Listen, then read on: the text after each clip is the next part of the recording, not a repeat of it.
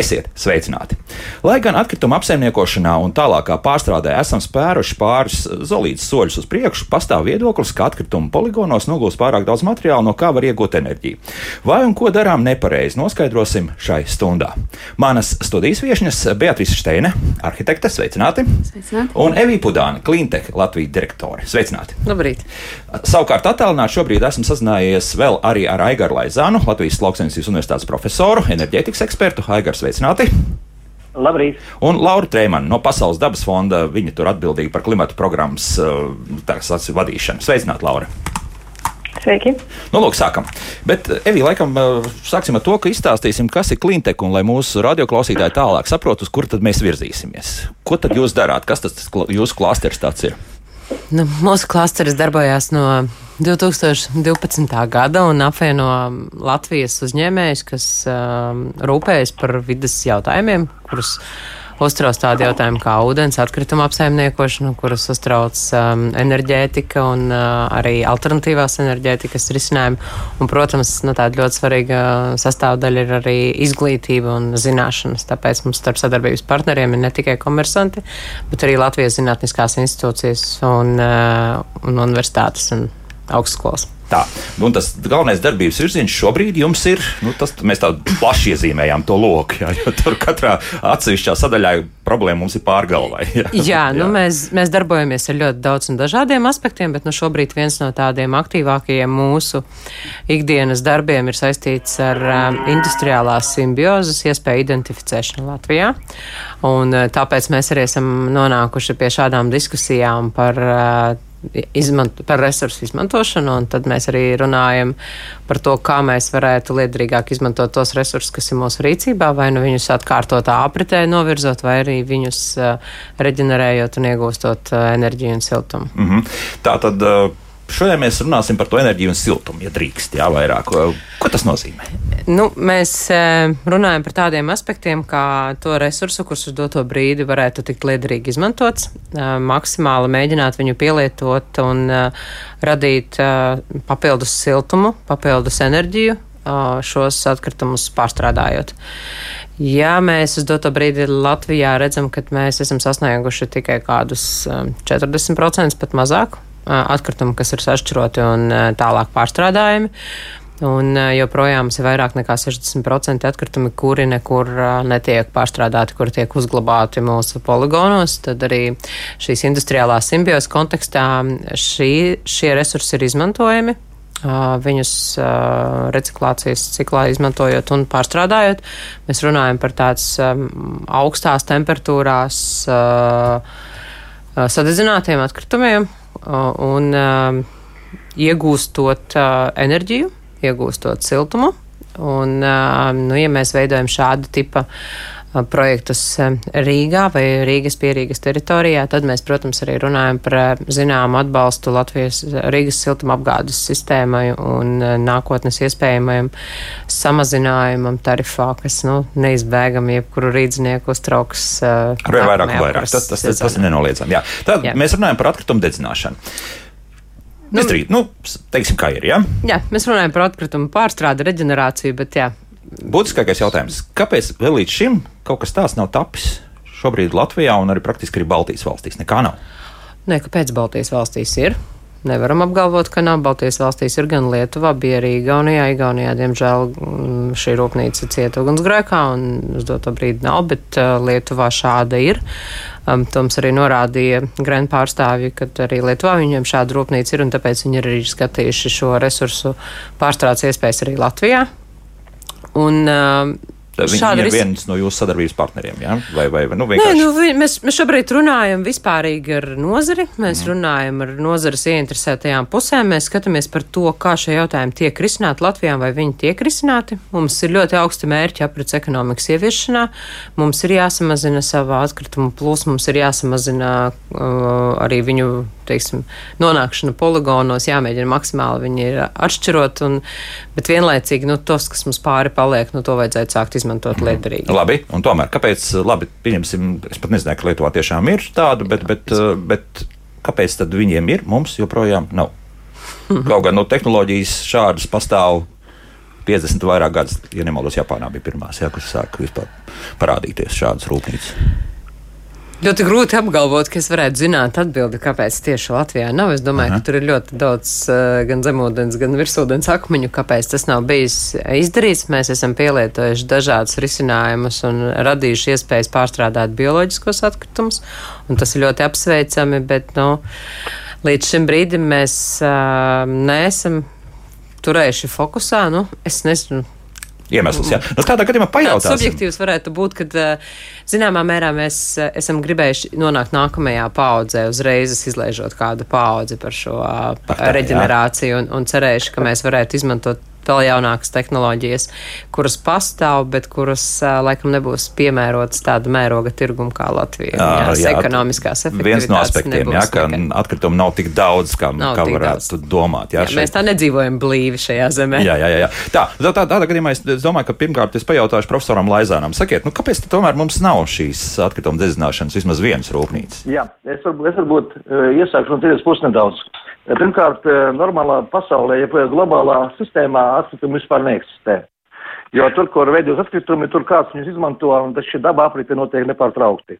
Un tur, kur atkritumi pārāk daudz, tur šajā gadījumā tā vide mirst. Un zato atkal ienāk kāda cita vide, kur darbojas. Ko dara cilvēks? Cilvēks savus atkritumus, pirmkārt, eh, kādreiz vēsturiski, skatāmies, un dzīvoja pie ūdens, kur, kur visus atkritumus palaid ūdenī projām, pa straumi uz leju, lai viņi aizskalotos jūrā. Un jūra apēda to visu. Šobrīd cilvēku koncentrācija, nu, kā piemēram, Evija pieminēja Rīgu, kā pilsētu, kas ir, kurā koncentrējās atkritumi, tā veidojās tāda vide, kurā tā koncentrācija ir pārāk liela, un tomēr mēs negribam mirt tajā atkritumu um, sistēmā dzīvojot. Līdz ar to veidojam veidus, kā utilizēt. Un vienkāršākais, protams, ir aprakt. Ziniet, arī kaķis savu atkritumu viņš aprok, vai ne? Un šajā gadījumā tad viņš to neredz, pirmkārt, otrkārt, jau arī netraucē viņš. Līdz ar to arī Latvijā sākām ar to, ka mēs sākām vienkārši aprakt to visu.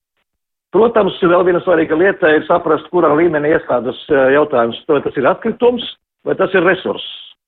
Un kurā brīdī mēs sakām, ka šis ir šo resursu mēs eh, vairs nevaram izmantot, un tas tiešām ir atkritums, un tad mēs viņu vai nu aprokam ar domu tādu, ka tas nekaitē mums, vai arī beigu beigās, kā tieši šobrīd tik piedāvās risinājums, dedzinām. Kāpēc dedzinām? Dedzinām divu iemeslu pēc. Pirmkārt, dedzināšanai tas ir pēdējais, ja skatāmies no ķīmiskā viedokļa, tas ir veids, kādā veidā mēs pārvēršam visu pamata elementos gandrīz vai oksīdos. Uh, un līdz ar to šī te, uh, pirmkārt, lieta uh, kļūst mazāk pilpumiska, otrkārt, arī mazāk toksiska no bioloģiskā piesārņojuma varianta. Tā pašā laikā tātad šī aprakšana mums nenodrošina līdz galam šo te toksiskumu nodrošinājumu, jo kaut kādā brīdī zemes pietrūkst. Mēs sākam aprakt, jau tuvojamies, un, kā jūs zināt, Getliņu kalns ir redzams pa gabalu braucot garām, jau pie Rīgas. Otra vieta šobrīd mēs konstatējam, ka gan Covid dēļ, kura dēļ pārtrūka vesela ķēze, pie, piegāžu ķēdes, gan arī kara dēļ, šobrīd Ukrainas kara dēļ, mums sāk pietrūkt resursu. Un izrādās, ka tais atkritumos, ko mēs metām ārā vai rakām, uh, rakām zemē, šobrīd izrādās ir arī vērtīgas lietas, kuras jāatšķiro, un tad paliek pāri tas, ko tiešām var pagaidām dedzināt. Tas, tas būtu tas, tas fundamentālais pamatojums, kāpēc dedzināšana, kāpēc secība veidojās šajā gadījumā. Šī te sākumā ir atkritumi, tad viņus sašķiro, jo atkritumi kādam ir, kādam ir resurss. Mhm. Tad secībai būtu jābūt šādai. Un tad, un tad mēs beigu beigās nonākam pie dedzināšanas, bet, un, ko es gribu pateikt vēl vienu lietu, tas gan nenozīmē, ka katram no mums jāsāk domāt par dedzināšanu mājās. Jo dedzināšana, kā Evija pieminēja pareizi, ir nevis augstā temperatūra, bet precīzā temperatūrā. Pārāk augsta temperatūra arī nedara. Ir vajadzīga precīza temperatūra, vadīga, vadāma sistēma, kurā mēs sadedzinām šo atkritumu, lai viņš nerada vēl kaitīgākus atkritumus nekā mēs esam radījuši iepriekš. Mm. Jo, principā, jo, jo ši, jā, jo šis jā, bija viens jā. no tiem smagākajiem argumentiem. Es esmu lasījis pietiekami daudz rakstu šobrīd, jā. ka ir par vai pret uh, atkritumu dedzināšanu, un tad viens no tiem, ka, lūk, atkritumu dedzināšanas uh, šāda rūpnīca principā sūta signālu visiem uh, iedzīvotājiem, jā, ka mēs mm. tā arī to varam darīt. Nu, kāpēc gan lai mums tā tālāk? Tas... Tieši šis ir tā vislielākā kļūda. Jūs mājās izdomājat, ka jūs ugunskurā vai savā uh, krāsnī sadedzināšu gumijas zābakus, kas jums nedara tad šajā gadījumā jūs piesārņojat vidi vēl vairāk, jo jūs radiet uh, atmosfērisko piesārņojumu, kurš izplatās, nu tā mēs varam salīdzināt to ar ķīmisko ieroci, kur mēs, mums bija zābaks koncentrēts, uh, zābakā koncentrēta ķīmija, vesela nedēļa jau tabula, un pēkšņi mēs dedzinot esam pārvērtuši viņu par ķīmisko ieroci, kas radīs nezināmu piesārņojumu, nezināmā vidē, kuru pēc tam mēs apēdīsim. Tātad pirmā lieta svarīgākā - atšķirot to, kas ir lietojams, tas ir obligāti. Tā robežai jābūt skaidrai, un šī robeža nepārtraukti pārvietosies uz to, ka mēs arvien vairāk atkritumu šķirosim, atkarot izmantosim. Tā ir tā uh, aprits ekonomika, kura, kura ir dabas pamatā. Bet dedzināmie būs tie, kur mēs likvidējam kaitīgumu un dedzinām ļoti regulētā vidē, precīzā temperatūrā, un pēc tam savācam arī tos izmešus, kas ir kaitīgi. Kā piemēram, lai saprastu, cik nopietni ir dedzināšana, liekas, ka salmu dedzināšana krāsnī ir ļoti vienkārša. Patiesībā pat tas, tas atšķība no malkas salms satur um, kloru. Un šajā gadījumā chlors nozīmē to, ka mēs dedzinot izlaižam ārā chlora savienojumus, kuri bojā pirmkārt jūsu katlu, otrkārt viņi iziet dabā arī kaitīgā veidā. Tā kā arī šī daļa jāieraug. Ja mēs neregulēti to darām, mēs piesārņojam vidi vairāk. Mm -hmm. Tas nozīmē, ka ir speciāli filtri, ja tad, tad viss šīs dūmās, kas faktiski kas, nu, kaut kas tur paliek pāri, viss vēl varēs tikt filtrēts cauri. Un, un, gan filtri, gan arī ļoti precīzi regulēta dedzināšanas vide. Kāpēc Grens ir labs piemērs, ar kuru būtu jāsaka, ka tā ir laba prakse, kuru būtu jāredz visiem? Grēna dedzināšanas katlī, tas saucamais verdošās plāņa princips. Tātad precīzi regulēts sistēma, kurā, teiksim tā, karstas smiltis, kurās notiek iekšā dedzināšana. De, notiek degšana tādā tā kā vāri, vāroties. Un šajā gadījumā sadeg viss, kas var sadegt, un, un atkrīt pelni, nopirkt lejā, izkrīt ārā un tiek savākti. Un gāzes, kuras ir kaitīgās, tiek savāktas ar filtriem nākot uz priekšu. Mm -hmm. Un tomēr, kur kaut kur ir kaut kāda zemūdens akmeņi? Kāpēc tas nav tapis ātrāk pie mums? Kā jums liekas, ka, kur ir problēma? Uh, redziet, mēs ejam, mēs kā uh, jauna Eiropas valsts, mēs ejam cauri daudziem cikliem. Ko, un, Eiropa, un lielā mērā mūsu atkritumu pārstāvju sistēma ir balstīta uz to naudas finansējumu pieeju, kuru mums piedāvāja Eiropas Savienība. Mums paši neko nesam īsti, esam atraduši iespēju nopelnīt tik daudz, lai sāktu attīstīt lielā mērā dažādas ap, ap, apsaimnieku tehnoloģijas. Pirmā nauda, kuru nāca no Eiropas Savienības, bija sakārtot cietu atkritumu poligonus, izveidojot viņus mazāk pēc skaita, ieklājot apakšā noteiktas plē, plēves un māla kārtas. Tad bija tehnoloģija, kuru rietumu valstis mums piedāvāja sākuma posmā bez dedzināšanas. Otra lieta, kāpēc nededzinājām, gāze, nafta, ogles bija ļoti lētas. Kāpēc dedzināt to, kas ir neefektīvs, kam ir vajadzīgi filtri, kur jāiegulda ļoti liela nauda attīrīšanā. Ja mēs varam izmantot to, kas ir lēts resurss, šajā gadījumā tā ir, tā ir Krievijas gāze, ogles, eh, tas, tas bija tāda jautājums par cenu, cenu atšķirībām. Šobrīd mēs nonākam pie, pie viena apļa, piemēram, Dānijā jau daudzus, daudzus gadus. Šobrīd daudzus gadus eh, dedzina gan salmus, gan arī atkritumus. Bet kāpēc viņi to dara? Tāpēc, ka aizvest ogles uz Dāniju maksā pietiekuši daudz un dārgi. Otkārt, viņi skatās par nākotnē attīstībā. Tā ir. Mm -hmm. Tā ir. Ja. Uh, profesor Žāman, jūs laist vaļā šobrīd, bet, nu, kā saka, jā, pa Jelgaušu pāris bālu studenti klīst un viņiem jāliek sesijas, saprot, ja, tāpēc es teikšu paldies uh, Egaram Laizānam, Latvijas Lauksienas universitātes profesoram, enerģētikas ekspertam. Jā, profesor, jūs vēl gribētu kaut ko pateikt? Jā, paldies, patiešām šī ļoti svarīga tēma, kur, kur ir iesākta, un te, bet te, te viena svarīga lieta ir. Vienmēr jādomā ir tas, ka mēs tiešām šo šķirošanas tehnoloģijas nepārtraukti pārbīdīsim. Un mums, kā Latvijai, ir jāskatās, ka mēs esam spiesti šķirot, jo šajā atkritumā ir iekšā gan resursi, ar ko mēs varam darboties, gan arī tirgus uh, resursi, ko mēs varam tirgot citās valstīs, kur šī pārstāde notiek. Tā kā tā robežai jābūt būs peldošai un regulētā vidē dedzinātam atkritumam. Tas Skaidrs. galvenais ziņā. Labi, paldies, paldies, paldies jā, profesor, lai mēs šodien darbos, jā, vislabi, laimīgi. Un šobrīd uh, turpinām mēs arī sarunu ar Lauru Treimanu, Pasaules dabas fonda klimata programmas vadītāju. Laura, nu tagad viss ir dzirdēts, ko Pasaules dabas fonds par to visu saka, jo, nu, ja tā pilnīgi godīgi lasot arī par šīs dienas tematiku tos rakstus, nu lielākoties no Amerikas Savienotās valstīs viss ir ļoti slikti ar to dedzināšanu, bet tur vairāk vai mazāk tie iemesli tādi, ka tās rūpnīcas ir būvētas kaut kur tādās teritorijās, kur faktiski indiāņi, pieņemsim, rezervācijas rezervācijas. Vienmēr sakot, tur, kur ir sabiedrība piekritus, ka tāds dedzinātājs varētu būt. Nekāda filtra tur nav, viss iet gaisā, vienmēr sakot, viss ir slikti. Par Eiropu druskuļi vēlāk varbūt runāsim ar to pašu Kopenhāgenes, arī lielo atkritumu dedzināšanas rūpnīcu, kas ir sākusi strādāt 2017. gadā. Bet ko jūs teiksiet no savas puses? Uh, jā, ļoti interesanti viedokļi. Pirmkārt, uh, es atļaušos īsti nepiekrist, um, lai gan daļai piekrītu Aigara Laizāna viedoklim. Pirmkārt, vēlos uzsvērt to, ka atkritumu dedzināšanas mērķis pēc būtības nav atkritumu daudzuma samazināšana. Tā ir daļa no atkrituma apsaimniekošanas, jā, bet pēc būtības tas mērķis noteikti nav samazināt atkrituma daudzumu, kas noglabāti poligonos. Tātad primāri mēs, mēs sākam ar to, ka mums atkrituma daudzums ir jāsamazina. Ja? Tātad ja? mēs sākam ar to, ka mums ir nepieciešama pārējais bezatkritumu tehnoloģijām uz aprites ekonomiku, uz pārstrādi, jo atkritumu dedzināšana tā ir pagājusi paudze. Un mums nevajag tāpt uz viena un tā paša grābekļa, uz kura kāds citas Eiropas valstis. Um, nākamā paudze būtu attiekšanās no atkritumu rašanās kā tādas. Un ierastās prakses maiņa, lai vispār uh, mainītu to veidu, kā mēs domājam par atkritumiem. Respektīvi, atkritumi kā tādi vairs nav, atkritumi ir resursi. Uh, un es varētu arī nosaukt vairākus iemeslus, kādēļ atkritumu dedzināšana nav labs uh, risinājums. Uh, ne tikai nu, šobrīd arī par atkritumu dedzināšanu daudz tiek runāts enerģētiskās neatkarības kontekstā, bet uh, es domāju, ka Jā, mums ir nepieciešamas dažādas tehnoloģijas un risinājumi, bet atkrituma dedzināšana tas ir tāds visai viltīgs uh, risinājums, uz kura, nu, es domāju, ka mums nevajadzētu uh, tiekties. Labi, kāpēc? Nu, tad tie punkti. Kas ir tas, kas jūs Jā, uh, dara nu, bažīgs? Pirmkārt jau arī pat modernākās atkritumu sadedzināšanas iekārtas uh, emitē dažādas uh, emisijas un kaitīgos savienojumus, kā arī pēc tam uh, Uh, šie pelni, kas ir tie, nu, visai toksiski, viņi tāpat kaut kur ir jānoglabā.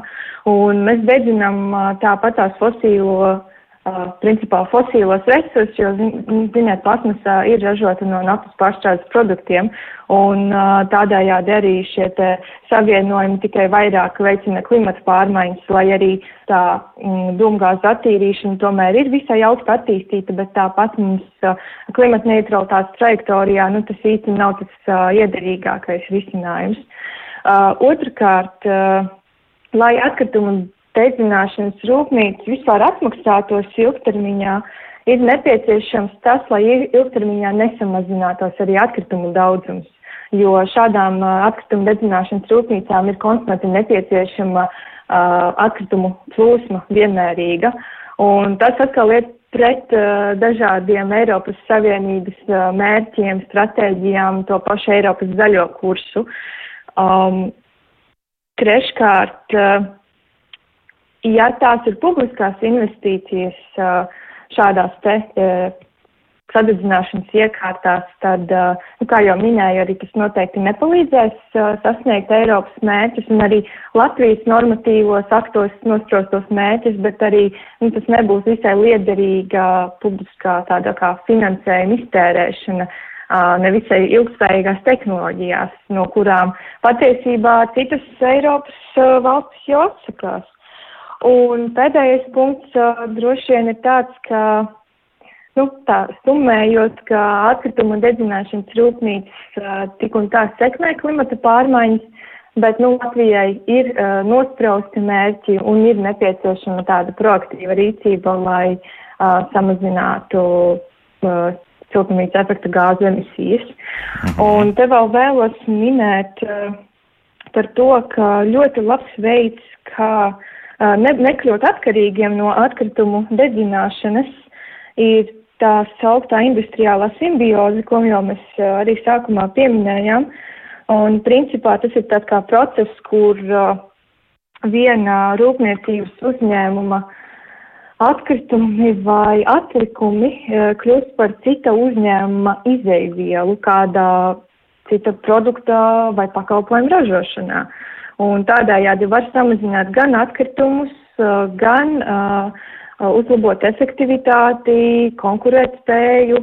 Um, un, protams, atbalsta arī ilgspējīgas attīstības mērķus un Eiropas zaļo kursu. Labi, labi, labi, bet tādā gadījumā te vajadzētu kādu piemēru. Nu, kā tas varētu strādāt tā? Uh, piemēram, uh, nu, princips ir tāds, ka šie uzņēmumi atrodas ne vai aptuveni uh, visbiežāk ne vairāk kā 30 km uh, rādījusā viens no otra, un uh, ir iespējams, uh, piemēram, Uzņēmums ražo kartupeļu cieti, rodas blakus produkti, gremzda un kartupeļu sula. Uh, tad tālāk blakus uzņēmums uh, iegādājas uh, vai saņem īpašumā šos blakus produktus un tālāk ražo vai nu biogāzi vai bioloģisko mēslojumu vai lobarība. Uh, Tāpat arī, piemēram, tālāk šī biogāzes ražotne ražo digistātu biogāzes ražošanas procesā, ko tālāk izmanto kā mēslojumu. Nu, tā tālāk tas tāds kā kaskādas princips, kad uh, uzņēmumi veido savstarpēju sadarbību. Mm -hmm. Labi, nu, tas varētu kaut kāds zināms procents paņemt, ja? bet, bet skaidrs viens, ka, piemēram, ar to pašu tekstilu, ar ko mums milzīgas problēmas, un nu, kur mm -hmm. tā mhm. īsti pārstrādāt, mēs nevaram. Nu, te gadrīz nu, sanāk, ka vieglākais veids būtu nu, vienkārši to sadedzināt, ja? jo gal galā tur tā enerģētiskā vērtība varētu tiem audumam būt pietiekami augsta. Nu. Jā, tekstilu atkritumi ir sāpīgs temats. Um, bet, uh, nu, jebkurā gadījumā tāda unikālā viena risinājuma noteikti nav. Mm -hmm. Protams, ir jādomā, kā kāpināt pārstrādi un kā vispār uh, atteikties no tādas kā ātrās modes uh, patēriņa kults, kur uh, mēs iegādājamies apģērbu, uzvalkam vienu, divas reizes vai vienu sezonu un tad mums vairs nav vajadzīgs. Nu, tā ir galvenā problēma. Tad cīnīties vairāk ar cēloņiem, nevis ar sekām. Jā, es saprotu. Tieši jā, tā. jā Laura, jā. palieciet kopā ar mums, es domāju, jā, un tagad uh, atgriežamies šeit studijā, turpinām mūsu sarunu. Es tagad pielikšu klāt tā Kopenhāgens, kas ir tiešām 2017. gadā palaista, un, un kā izrādās, visi kā no vienas puses skaisti, no otras puses visi ļoti bēdīgi. Pirmkārt, viņi jau pašā sākumā nu, ir iztērējuši milzīgu naudas summu, tas ir vairāk nekā pusmiljards uh, eiro, kas priekš Latvijas ir pilnīgi nepaceļama summa, tas ir pilnīgi skaidrs, bet trakākais ir tas, ka ir ļoti nepareizi sarežģīts slodzes kas ir vajadzīgas šai rūpnīcai. Proti, principā rūpnīca ir spiesta iepirkt uh, atkritumus ne tikai no šīs Kopenhāgenes uh, salas, kur tā atrodas, apmēram aglomerācija varētu būt apmēram 3 miljoniem iedzīvotāju, bet vēl arī vēst no daudzām citām vietām. Nu, labi, nesarēķināja pareizi, varbūt iespējams, ka tāpēc, ka tie finansiāli aprēķini liecināja, ka tādam tam apjomam vajadzētu būt, lai tas viss būtu rentabls. Nākamais, otrs lielākais, lielākā problēma ir tāda, ka jā, nu, īsti jau klimata neitrāli šī rūpnīca nesanāk. Vienmēr sakot, kaut kas tiešām tur tajā gaisā nonāk, un, un ar to arī ir zināmas problēmas. Tālāk, nu, tā rūpnīca, piemēram, vasarā drīkst strādāt tikai ar pusjaudu, tāpēc, ka īsti nav likt kur to elektrību. Vienkārši nav, jo tajā brīdī elektrības patēriņš un enerģijas patēriņš arī siltuma enerģijas strauji samazinās. Līdz ar to arī šī rūpnīca tad vairākus mēnešus strādā tikai pa pusē. Nu, vienmēr sakot, daudzas problēmas, un tā ir jauna rūpnīca. Ja? Lūk, Evī, tagad es esmu izstāstījis visu, ko es esmu dzirdējis. Un, un pie, pie šīm, un tagad arī to, ko mums arī Laura saka, nu, tad mums rodas bažas, vai mums vispār to mm, rūpnīcu, kas dedzinās tagad atkritumus, vajag, vai jāiet kaut kāds cits ceļš. Tā. Es um, gribētu teikt, ka. Uh, nu, Mēs noteikti neesam eksperti par uh, Kopenhāgenes uh, gadījumu un, uh, un visām Nē, detaļām. Es izlasīju tā uzmanīgi, kas tur īstenībā notiek. Nu, jā, jā, mēs arī lasām par to, ka arī pietiekami skaidri redzams, ka arī iepriekš esošo rūpnīcu tomēr nojauc uzbūvēja jaunu. Jā, vietā, viņiem bija un, divreiz jaudīgāk, jā. Jā, un, jā. un tomēr uh, problēmas tiek risināts. Man arī gribētos, nu, teiksim, mm, padalīties pieredzē es meklējot, eh, kā tad mēs varētu risināt un ko mēs vēl varētu ar to izdarīt. Speciāli izgāja Eiropas Savienības organizētas apmācības par aprits ekonomiku un ko tad mēs varētu darīt ar mūsu patēriņu un kā mēs varētu mazināt. Un es domāju, varbūt tās es atradīšu to recepti, kas ir ideāli priekš Latvijas. Un, uh, Diemžēl es neatradu īstermiņa atbildi. Ilgtermiņā, jā, mēs mainām savus paradumus, mums arī, mums arī to prasīs. Mēs uh -huh. arī būsim spiesti uh, saskaņā ar Eiropas jauno politiku samazināt gan savu patēriņu, gan domāt par iepakojumu, par vispārējo.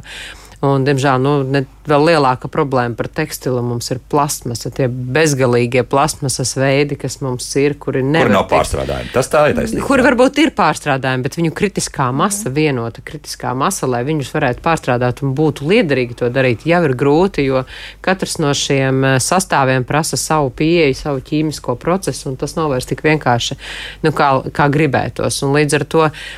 Um, Mēs jau neesam pret to, kad mēs ejam uz šķirošanu. Mums jāiet uz šķirošanu, mums ir skaidrs. jāpārstrādā, mums ir jāveicina to atkritumu apjomu mazināšanu, bet mūsu atkritumu apjoms pieaug. Mēs joprojām neesam gājuši mazumā. Mm -hmm. un, e, nu, es domāju, ka tas ir ļoti cieši saistīts ar ikvienu cilvēka labklājību un, un jautājumu, vai cilvēki ir gatavi mainīt savas parašas un vai mūsu burkānu pātagu principi mūsu politikā būs pietiekami, vai šī pātaga būs pietiekama, lai mēs uh, daudz mērķtiecīgāk tiektos uz šo. Jā, labi, bet procesu. jā, jā, Evija. Jā, Um, Vai jūs darīs? Jā, jā, jā, Beatrice. Jā. Um, nu, pat tika pieminēta termins aprits ekonomika, kur uh, viens no vārdiem vienmēr tiek izskanēts zero waste, kas ir tā kā nulli atkritumi. Tieši tā. Mūsdienās daudz populārāks termins ir zero waste to landfills, kas būtībā nozīmē to, ka nu, uh, nulli atkritumi aiz tiek aprakti. Un, man liekas, mūsu galvenais tas ir nevis tas, ka mēs mēģinām viņus dedzināt, bet tas, ka ir šo risinājumu kombinācija. Ir, ir atkritumi, kas tiek pārstrādāti, ir atkritumi, kurus nevar pārstrādāt. Tātad tie ir nepārstrādājami atkritumi, kas tiek novirzīti sadedzināšanai. Jā. Un, uh, tāpēc man liekas, jā, ļoti svarīgi uzsvērt šo kombināciju ar visu risinājumu apvienošanu. Nu, labi, jā, nu, Getliņos tomēr ir jā, jā. milzīgs kalns, kurās ir četras lielas caurules iekšā, un nu, tur tad tā biogāze nāk ārā, un no tā tie tomātiņi tur vairāk vai mazāk tiek uh, apsildīti jā, ar šo gāzi. Nu, jā. varam iet arī šādas ceļus. Te viss, protams, dar biogāzes ražošanai, jā, bet, bet tomēr uh, te arī jau ko Laura arī pieminēja, nu, tas, ka nu, kāds tas teiksim, būtu šādai rūpnīcai finansējums. Vai privāti investori būtu gatavi tādu būvēt, vai, vai šeit tomēr bez kaut kāda. Nu, Nodokļu maksātāju naudas, ja šeit neiztikt. Vienalga, vai tā būtu Eiropas Savienības nauda vai, vai, vai, vai Latvijas teiksim, budžeta nauda. Nu, šobrīd mēs esam diskutējuši ar mūsu biedriem par to, ka tas varētu būt privātas iniciatīvas un par to, ka tās varētu tikt finansētas no kaut kādiem lielākiem finanšu starptautiskām finanšu institūcijām vai no Pat tā, lielākām jā, no kaut bankām. kā. Jā, jo Jā.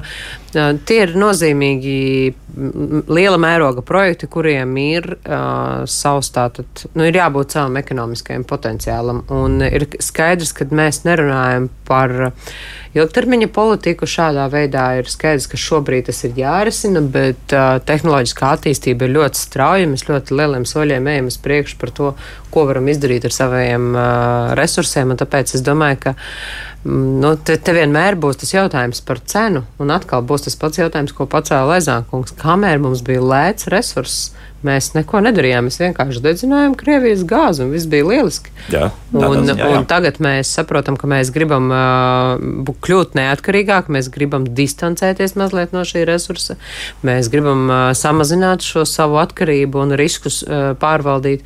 Tad mums ir jāsāk domāt par visu resursu liederīgāku izmantošanu. Mums nav jādomā vairs tikai par vienu resursu. Un mēs arī iepriekš esam runājuši, arī ļoti daudz diskusijas bijušas tieši, piemēram, ar Getliņiem par to, ka Nav šobrīd, nebija pieprasījums pēc šī resursa. Nebija. Viņš tāpēc tika aprakts, un, un mēs turpinājām aprakt un aprakt tādas lielas kapu kopiņas veidojam. Un, un ir pilsētas arī Eiropā, kurās joprojām, tajā pašā, piemēram, Varšavā, tā kapu kopiņa ir redzama ļoti tālus kilometrus un No. izskatās ļoti nepievilcīgi. Pie mums, kā saka, liecības ir šādas Mums ir- no jā. veciem kalniem arī jāpieņemsim pļavinieku galā. Jā, tur apmēram. jā. Jā, jā bet, eh, bet eh, vai ir jau veikti kaut kādi aprēķini, cik tad eh, patiesībā pie kādas arī tās pašas naftas cenas, nu tas būs viss izdevīgi, šāds, eh, teiksim, siltuma piegādes veids no, no šādas atkrituma dedzināšanas būs eh, izdevīgs gan komersantiem, gan arī patērētājiem šajā gadījumā. Mikrorajonu iedzīvotājiem vienalga, kas to patērēs. Nu, pie šī brīža situācijas ir parādījies šis ekonomiskais potenciāls, un tāpēc arī ir parādījušies šādi jauni aprēķini un jaunas iniciatīvas. Jā, nu, burtiski vēl gadu atpakaļ šīs iniciatīvas mēs nedzirdējām, un viņu nebija.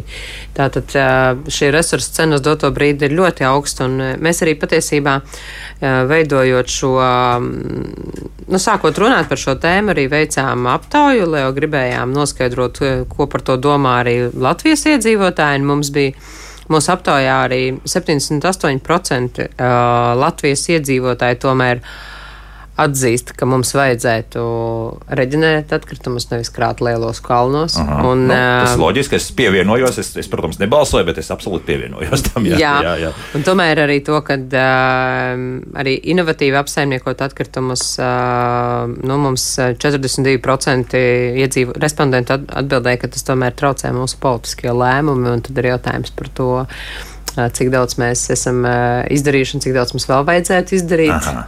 Un uh, arī to, ka uh, nu, sabiedrības izpratnes trūkums. Puse pus respondentu atzīmē, ka viņiem ir izpratnes trūkums. Un, manuprāt, tas Ticu. ir tāds Jā. ļoti nozīmīgs darba uzdevums, kad mēs sākam saprast un izprast. Un man ļoti, ļoti gribētos tiešām vērst uzmanību, ka cilvēkiem nevajag mēģināt uh, savas atkrituma problēmas risināt savās plītīs. Es ļoti daudz to dzirdu un redzu, un tas, manuprāt, ir ļoti, ļoti nepareizi, jo mēs tas... tai mazajai jaunajai paudzei atstājam briesmīgu mantojumu. Nu, tas vienmēr ir tā, jā, es ko tad es to pudeli sadzināšu, nekas no tā nemainīsies. Jā, jā tāpēc man ļoti priecē, ka arī mūsu reģionos šobrīd atkrituma savākšana pastāv, funkcionē kā sistēma.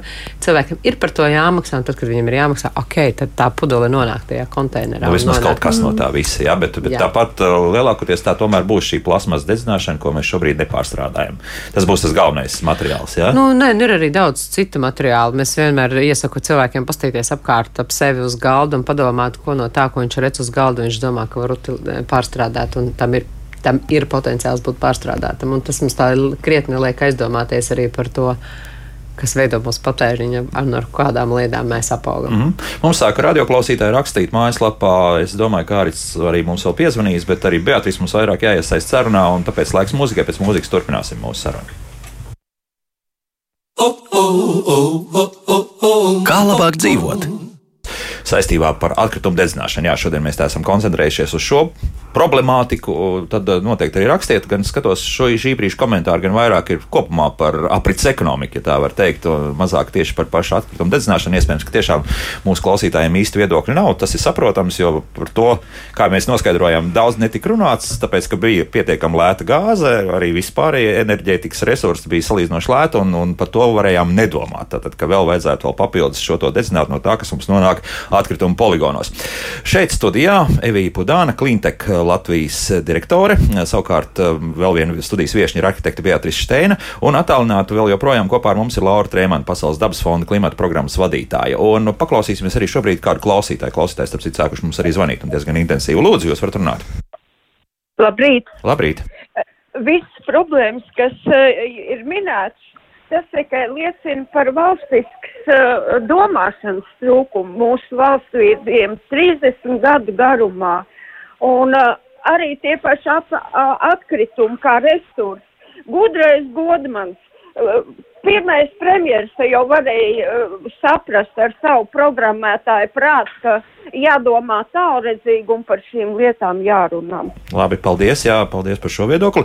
Te gan uzreiz jāsaka, ir viena lieta, to, to es atceros vēl no tiem tālajiem 90. gadu sākumiem, eh, kad mans kolēģis Ernsts Blodons, noteikti arī mūsu radioklausījā labi atceros, un vēl radio kolēģi, un arī televīzijā pietiekami bieži redzēts, eh, aizbraucis savulaik, arī tas bija kaut kāds 92. vai 93. gads, uz vienu lielu semināru, kas notika Prāgā, tur skaidrā tekstā pateica, ziniet ko, tuvākos 5-6 gadus jūs noteikti nedomāsiet par ekoloģiskiem jautājumiem. Tāpēc, ka jums būs pārāk daudz citu problēmu, par ko domāt. Nu, principā, tāpēc mēs nevaram skatīties tik tālā vēsturē. Principā mēs sākam domāt pēdējos 20 gadu laikā, jā, reāli par, par šīm lietām. Tā kā nu, tas, tas komentārs mūsu klausītājs, ko teica.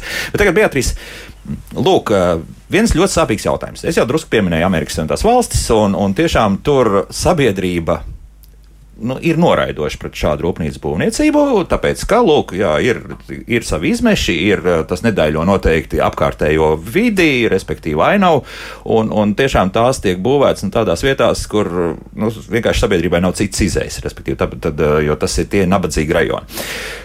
Vai mums nebūs kaut kā līdzīga? Ja, protams, sāksies kaut kāda apspriešana par to, ka kaut kur šādai rūpnīcai būtu jāparādās, jo zinot to, cik ļoti mēs esam pret tieši sabiedrības vietas, pret jebkāda veida rūpnīcu būvēšanu, ieskaitot arī vēja parkus un tā tālāk, tad šādas rūpnīcas uzbūvēšana no tā viedokļa tikpat kā neiespējama Latvijā. Um, manuprāt, vairumā gadījumā galvenais solis ceļā uz šo labu sabiedrības uztveri ir visu ieinteresēto personu, tostarp iedzīvotāju, uh, izglītošanu par rūpnīcas darbību. Un sabiedrībai nepieciešama iesaistīšanās un izpratnes palielināšana. Tad arī šādā brīdī tiek novērsta šī negatīvā uh, uzsvera, par ko jūs minējāt. Un svarīgi, manuprāt, ir tas, lai sabiedrība justos daļa no šīs stacijas, tādējādi viņi tiktu publiski varbūt iesaistīti, kā tas ir jau kādos vairākos Eiropas pilotu projektos redzams.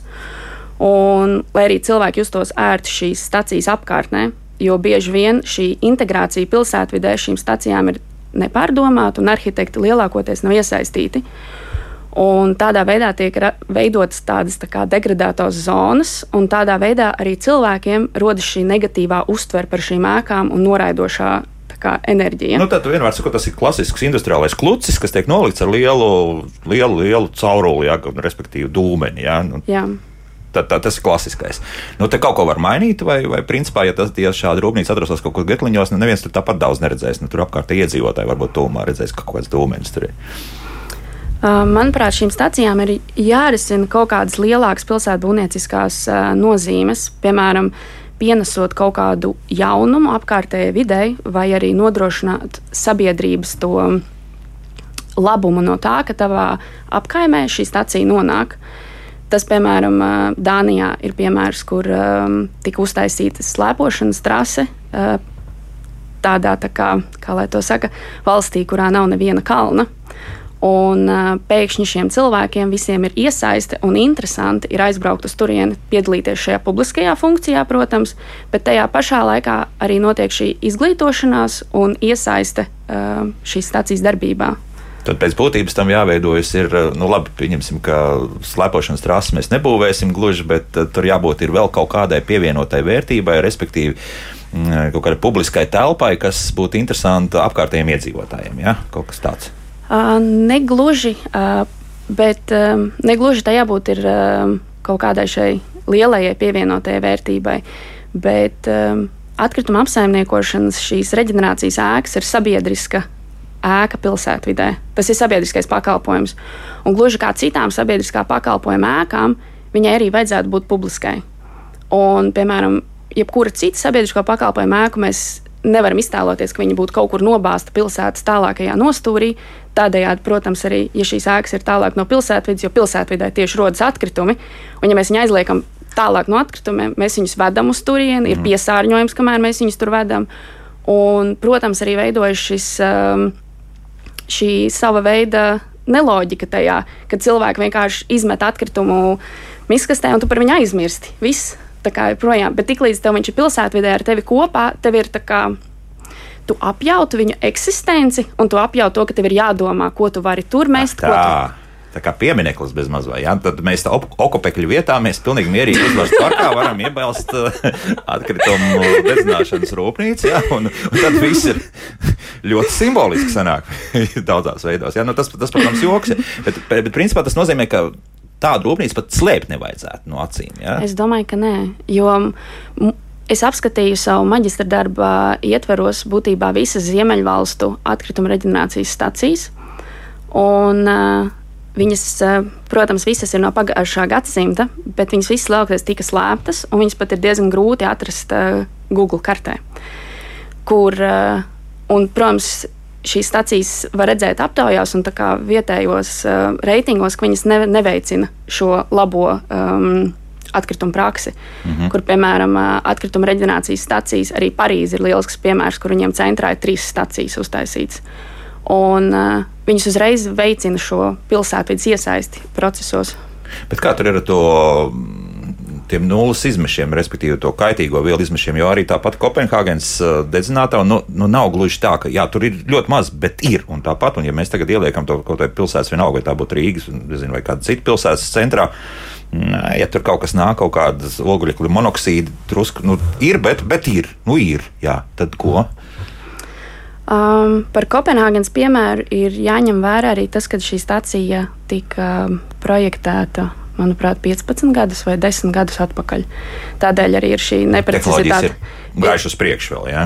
Um, varbūt ne tik ļoti, bet uh, drīzāk par, tas bija par minētajiem aprēķiniem, ka netika par, uh, precīzi Pareiz, aprēķināts. Jā, protams, jā. Šis projektēšanas process bija ļoti, ļoti garš šai stacijai. Tādējādi uh, um, arī iekārts viss, kas tiktu izmantots, būtu varējuši būt citādāk. Aha. Bet par šo tehnoloģiju piesārņojumu ir tā, ka uh, atkrituma reģenerācijas šī pārstrādes saražota enerģija skaits 50% atjaunojumu, kā arī uh, tiek uh, kopā ar um, oglekļu uztveršanu un uzglabāšanu, šī nozara var sasniegt CO2 negatīvas emisijas. Pat nevis neitrāls, bet negatīvs. negatīvs. Tas ir, man liekas, Oslo bija tāds piemērs, jo viņi ir pirmais tāds pilotu projekta izmēģinājums, ja nemaldos. Jā? Man liekas, ka jā. Mm -hmm. Nu, labi, jā, bet tagad Evijai. Nu Jo, jo vairāk mēs, mēs, es jūtu, ka nu, šeit tās, tās naudas tur būs diezgan liels, būs jāiegulda. Vai ir jau gat, kaut kādi gatavi projekti, ir kaut kāds standartizēts šādas dedzinātavas kaut kāds, nezinu, Nē, jau kurā uz papīra vai, vai datorā uzlikts jau. Nē, jebkurā gadījumā tie ir uh, vienmēr būs individuāli projekti, kas prasa pielāgošanu, kas prasa uh, noteiktas vietas, atrašanās un, un visas pārējās iespējas, ko viņi var radīt. Mēs šobrīd, protams, runājam par Rīgu, par Rīgas uh, labo krastu. Un, un kā jau es minēju, tad mēs runājam arī par to, ka, ja Rīgas siltums, piemēram, būtu gatavs uzņemt šādu siltumu savā tīklā, tad tas varētu radīt pat 25% no nepieciešamā siltuma labajam krastam. Tas ir tie, tie pozitīvie aspekti, un nu, gribās vēl atzīmēt to, ka arī runājot par šo apjomu, par tiem atkritumiem, arī visā Eiropā šī reģenerācija ir pēdējais posms atkrituma dzīvē. Tas mm. ir tas atkritums, ko mēs neesam spējuši neizmantot, ne pielietot, ne, ne radīt. Nu, Ne, citur vairs nav kur nekur likt. jā. Un jāsaprot, nu, ka šis process ir saistīts ar, ar lielu siltumu. Šis process ir, ā, cik es esmu redzējis šādas rūpnīcas arī darbībā, nu, tātad jūs praktiski neko arī tādu ā, neglītu. Nu, jūs redzat tos savus atkritumus, kā viņi atbrauc. Jā, jūs redzat, cik viņu ir daudz. Jūs, jūs saprotat, ka tas jūsu maisiņš ir tikai piliens jūrā. Un, un attiecīgi jūs varat redzēt, kas notiek. Un tās izglītošanās process, kas bērniem notiek jau šobrīd intensīvi mm. getliņos, viņš varētu turpināties arī šādās stacijās. Un viņām ir jābūt pilsētvidas elementam. Viņas, viņas nevajadzētu. ekskursijā, jā? Jā, mums vajadzētu uzņemties. Tikai tā mēs mācāmies uzņemties atbildību, kad mēs iesaistamies. Un visu to arī mēs redzam. Jā. Nu, es Laurai vēl tad pajautāšu. Tagad viss ir atkal dzirdēts, un Laura vēl arī kāds komentārs, jo mums ir burtiski pēdējās minūtes palikušas. Uh, jā, tā tad uh, izskanēja šāds arguments, ka ir vai nu tikai milzīgi pārpildīti poligoni vai arī dedzināšana. Te es vēlos uzsvērt, ka nav tāda melna un balta. Jā, atkrituma dedzināšana var būt viens no risinājumiem, bet ar to jābūt ļoti, ļoti uzmanīgam. Uh, piemēram, šobrīd Eiropas Savienībā notiek diskusijas par iepakojumu vienkāršošanu, respektīvi um, par to, lai tiktu samazināti plasmasas iepakojuma veidi.